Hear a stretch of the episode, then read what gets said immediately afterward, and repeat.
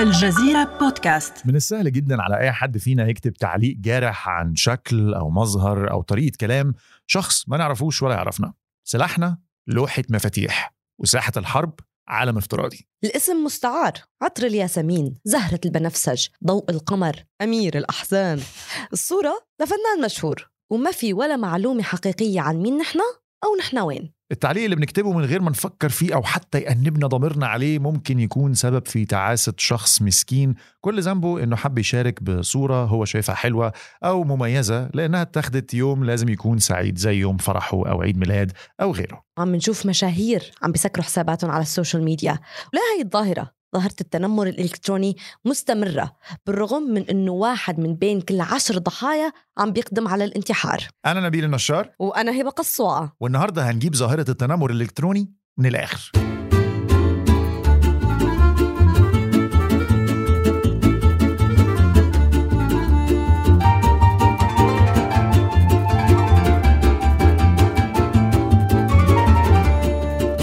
أكيد سمعت بزلابية يا نبيل. الأكل الحلويات؟ زلابية اسم الشهرة لبنت مصرية انتشرت صورها على السوشيال ميديا اسمها هدير محمد. اسم الدلع يعني. بالضبط.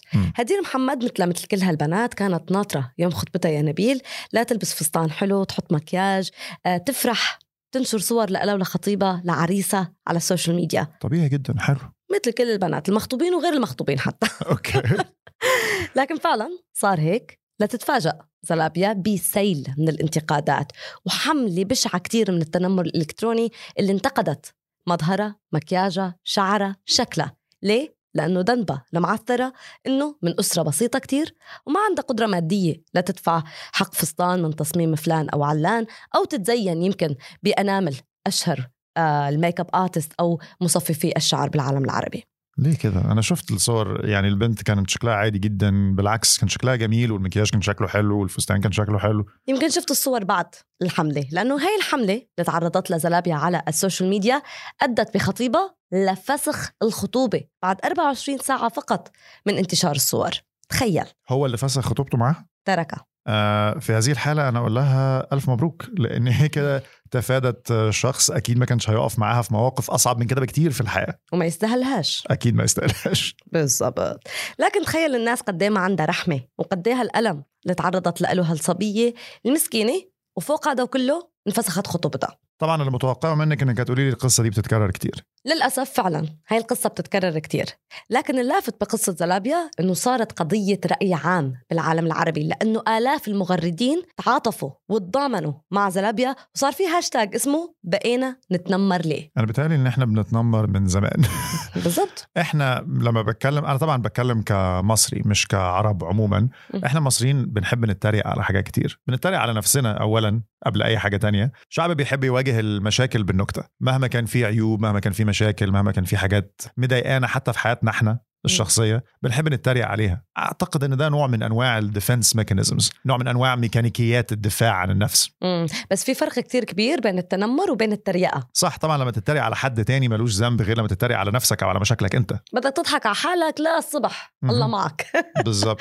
لكن لما تتنمر على حدا في كتير يمكن في عوامل بتخلينا نفصل بين التنمر وبين التريقة أو المسخرة أو المزاح. طيب طالما كده فسري لي حدد لنا الأول إيه هو التنمر عشان يبقى واضح ومختلف عن التريقة أو الهزار التنمر هو شكل من أشكال الإساءة والإيذاء وبيكون موجه من قبل فرد أو مجموعة أشخاص تجاه فرد آخر بيكون أضعف منهم غير مم. قادر على أنه يدافع عن حاله التنمر عادة بيكون بأشكال مختلفة ممكن يكون لفظي ممكن يكون جسدي أو ممكن حتى يكون بالإيحاءات والإيماءات مم. وغالبا ما بيوصف التنمر على إنه شكل من أشكال المضايقات اللي بيرتكبها هذا الشخص المسيء اللي عنده قوة بدنية أو اجتماعية أو هيمنة بيمارسها على هذا الضحية. طب أنا كده عايز أشتكي إن بهذا التعريف هبة دايما بتتنمر عليا. تافن يا أخويا.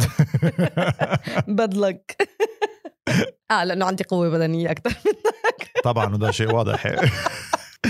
بس بدون تريقه إحنا طبعا. بنهزر عشان نلطف الموضوع. لكن في باحث نرويجي اسمه دان أولويس بيعرف التنمر على إنه تعرض شخص بشكل متكرر وعلى مدار الوقت إلى الأفعال السلبية من جانب واحد أو أكثر من الأشخاص الآخرين. أعتقد إن كلنا تعرضنا للتنمر في وقت من الأوقات في حياتنا بالذات وإحنا صغيرين في المدرسة. حد يتريق على شكلك على شنطتك على بنطلونك رح على يدفشك. بالظبط. اللي أنا عايز أعرفه إيه أسباب التنمر؟ يعني ليه الناس بتتصرف بالشكل ده؟ النصيحة اللي ماما دايما بتديها لي أو التفسير اللي أمي كانت دايما بتقوله لي وأنا صغير يا حبيبي دول غيرانين منك دول بي... بيغيروا منك.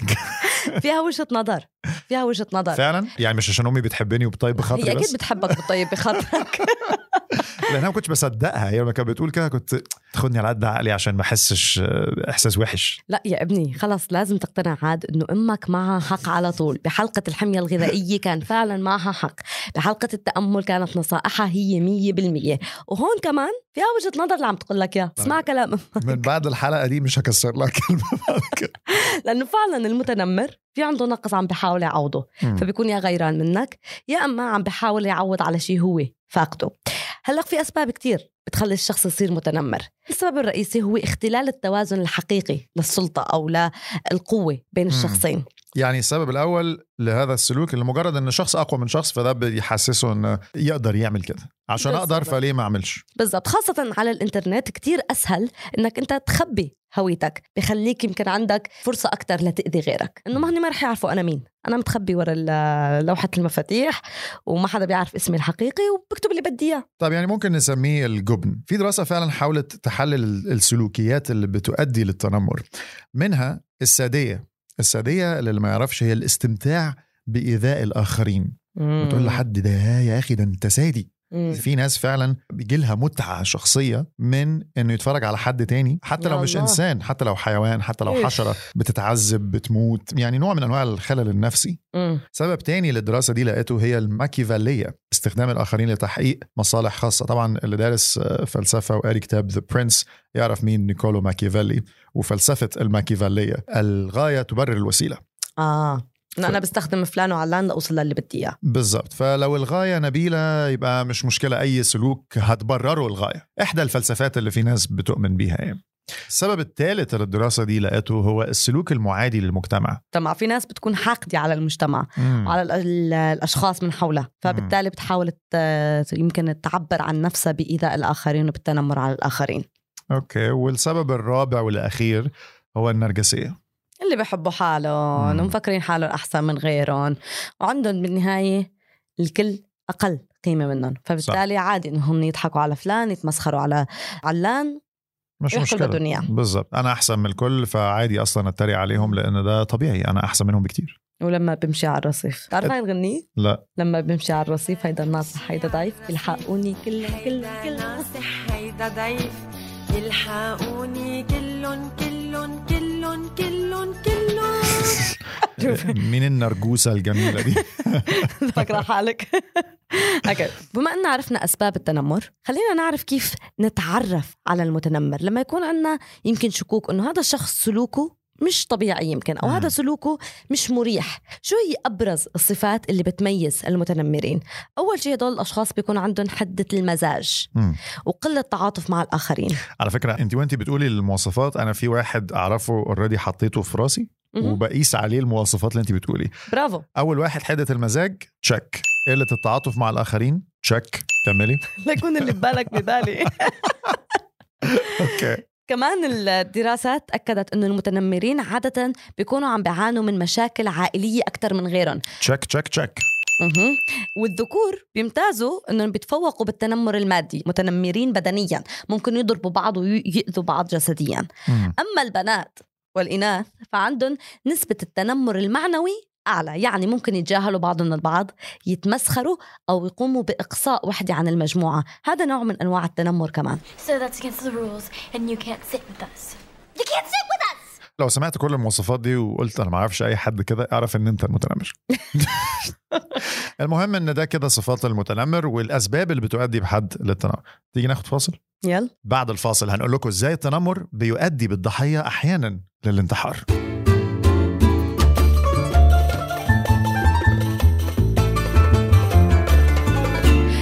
في أخصائية نفسية اسمها الدكتورة أميرة حسن. هي رئيسة القسم النفسي بمركز تطوير الطفل بمستشفى الرميلة بمؤسسة حمد الطبية بقطر. صرحت للجزيرة نت بأنه التنمر ممكن يوصل بالضحية للانتحار. وفعلا قالت أنه واحد من بين كل عشر ضحايا للتنمر ممكن يقدم على الانتحار أو يحاول. على الأقل. وأثبتت الدراسات أنه ضحايا الانتحار بسبب التنمر بازدياد مستمر خاصة بعد وجود التنمر الإلكتروني. وأضافت الدكتورة حسن أنه التنمر بيؤدي لمشاكل نفسية وعاطفية وسلوكية على المدى الطويل مثل الاكتئاب الشعور بالوحدة الانطوائية والقلق. وبيلجأ الفرد للسلوك العدواني نتيجة التنمر يعني ممكن يتحول الضحية مع مرور الوقت أو مع تعرضه للتنمر المستمر إلى متنمر أو إنسان عنيف.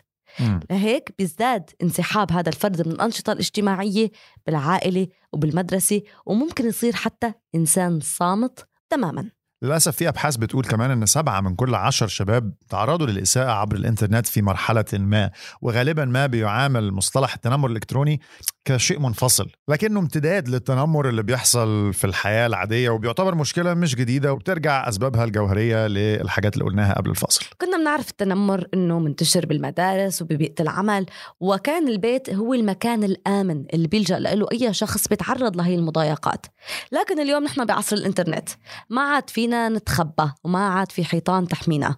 ليه؟ لأنه الإنترنت صار سلاح للتشهير والمضايقة وإساءة معاملة الناس حتى داخل منازلهم. يعني أنت تليفونك بإيدك أنا بلحقك على نص بيتك وبحكي عليك وبتوصلك. هاي الكلمات الجارحة اللي أنا عم قولها عنك. صح. ليه؟ لأنه أنا عم بنشرها على العلن بالعالم الافتراضي. الخطر الحقيقي كمان عارفة إيه؟ يعني طبعا معاكي حق في الكلام اللي قلتيه لكن ناس كتير لما بتتعرض للتنمر ما بتقولش. يا بتبقى خايفة. خوف من الحرج أو عدم الثقة بالدائرة المحيطة اللي المفروض إنها تكون بتدعمها من أصدقاء أو زملاء وده بيهدد وبيدمر الصحة النفسية والجسدية كمان للشخص. الدراسات بتشير إلى إن اللي بيشاركوا آراء سياسية ورياضية عبر الإنترنت هم الأكثر عرضة للتنمر.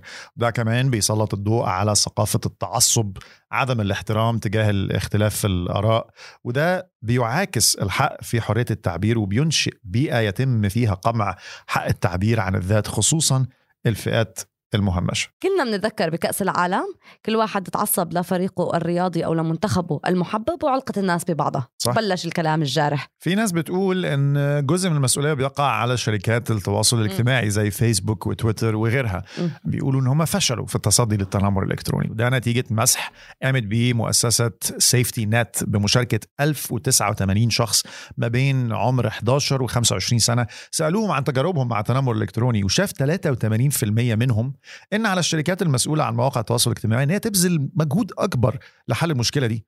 تقرير سيفتي نت بيقول إن أغلبية من اجابوا عن أسئلة المسح كان لديهم شعور بإن محدش أخذ أي إجراءات ضد من يمارسون التنمر في العالم الافتراضي. على عكس ما بيحصل في العالم الحقيقي. يعني في مسؤولية نوعا ما على هاي المواقع مواقع التواصل الاجتماعي مثل انستغرام وفيسبوك وتويتر لكن إذا حكينا أو مثل ما بدينا الح- الحديث عن قضية زلابيا على مدار أربع سنين وبناء على تحليل حوالي 19 مليون تغريدة. في تقرير اسمه Ditch the Label and Brand Watch. لاقى هذا التقرير أنه حوالي 5 ملايين حالة من حالات كراهية النساء كانت موجودة على تويتر لحالها. المحزن يا نبيل أنه هذا التقرير لاقى 52% من إساءات كره النساء المسجلة كتبت بواسطة نساء. مم. يعني في نساء عم تتنمر على نساء أخريات وبأغلب الأحيان كانت هي الحالات تستهدف المظهر والذكاء والتفضيلات الجنسية لنساء أخريات يعني women are their own worst enemies مم. كما يقال طبعا جدير بالذكر هنا بخصوص كراهية النساء أن التنمر القائم على المظهر بيعتبر واحد من أكثر أنواع التنمر شيوعا على الإنترنت وخارجه.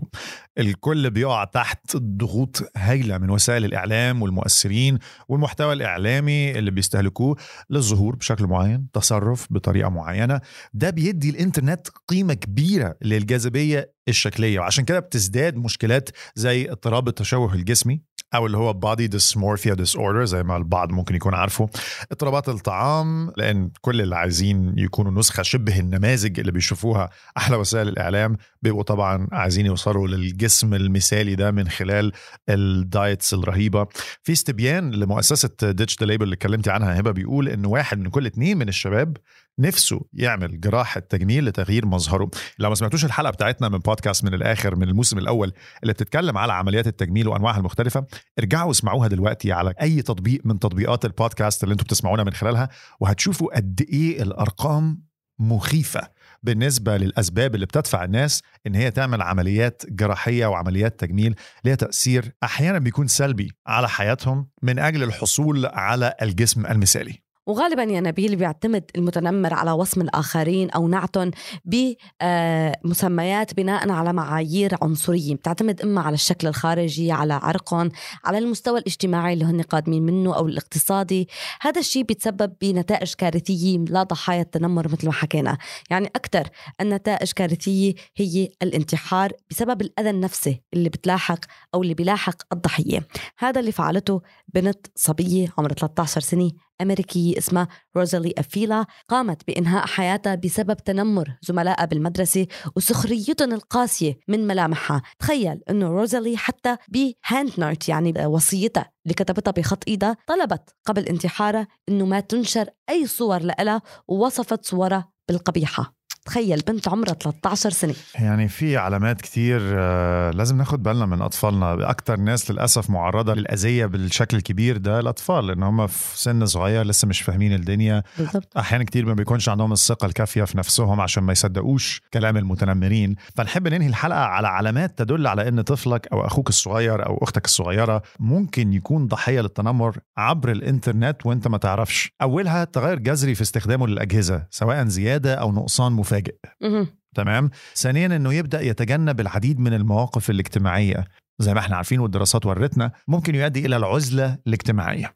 كمان في آه، أشياء علامات لازم ننتبه لها مثل الحزن الشديد فقدان الاهتمام الانعزال عن الناس أو النشاطات الاجتماعية اللي ممكن تبدأ تظهر على هذا الطفل أو الشخص اللي شوية صغير بالعمر. بيبدا يمكن هذا الشخص إذا كان أخوك الصغير أو ابنك يخبي شاشته لما تكون قريب منه. ما بده اياك. تقرأ يمكن شو مكتوب على شاشته مش لأنه عم بيطلع على مواقع إباحية لا. لأنه خايف أنت تشوف شو عم ينكتب عنه يمكن بجروب المدرسة أو بجروب الرياضة اللي هو معه. كمان لما نشوف مثلا شخص بدأ يغلق حساباته على شبكات التواصل الاجتماعي فجأة ويصير يبدأ بحسابات جديدة يمكن بأسماء مستعارة وبصور ما لها علاقة فيه. يعني صور كمان مش لإله. هذا الشخص أكيد تعرض للتنمر وهي هذا الشيء بنشوفه حتى بين المشاهير يعني مؤخرا كان في كتير حديث عن الفنانة شيرين عبد الوهاب اللي قامت بإغلاق حساباتها على ال social media لأنه تعرضت لحملة شرسة من التنمر الإلكتروني. فهذا الشيء ممكن يتعرض له أي شخص كبير صغير مشهور عادي كلياتنا عرضة للتنمر. من الآخر اللي بيمارس التنمر على الآخرين حد عنده هو مشاكل شخصية في حياته وللأسف بيعكسها من خلال تصرفاته المؤذية تجاه الآخرين. فلو أنت حد بيتعرض للتنمر لو تفتكر معلومة واحدة من كل الكلام اللي قلناه في الحلقة النهارده المشكلة مش فيك انت. انت بني آدم طبيعي زيك زي أي حد. المشكلة في المتنمر.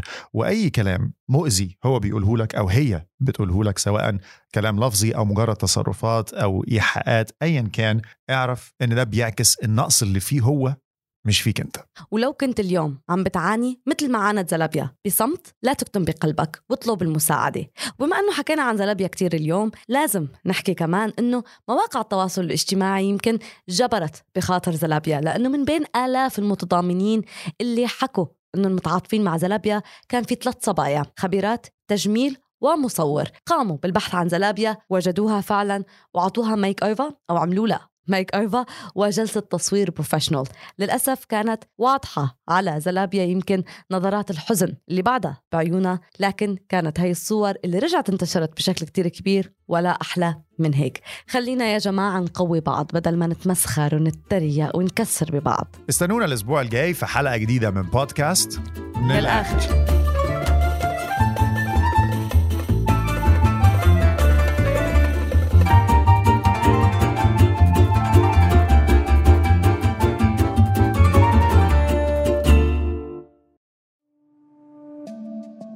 بعد أمس البودكاست اليومي الجديد من الجزيرة يخوض في عالم معقد ليساعدك على فهم الأحداث المتغيرة كل يوم.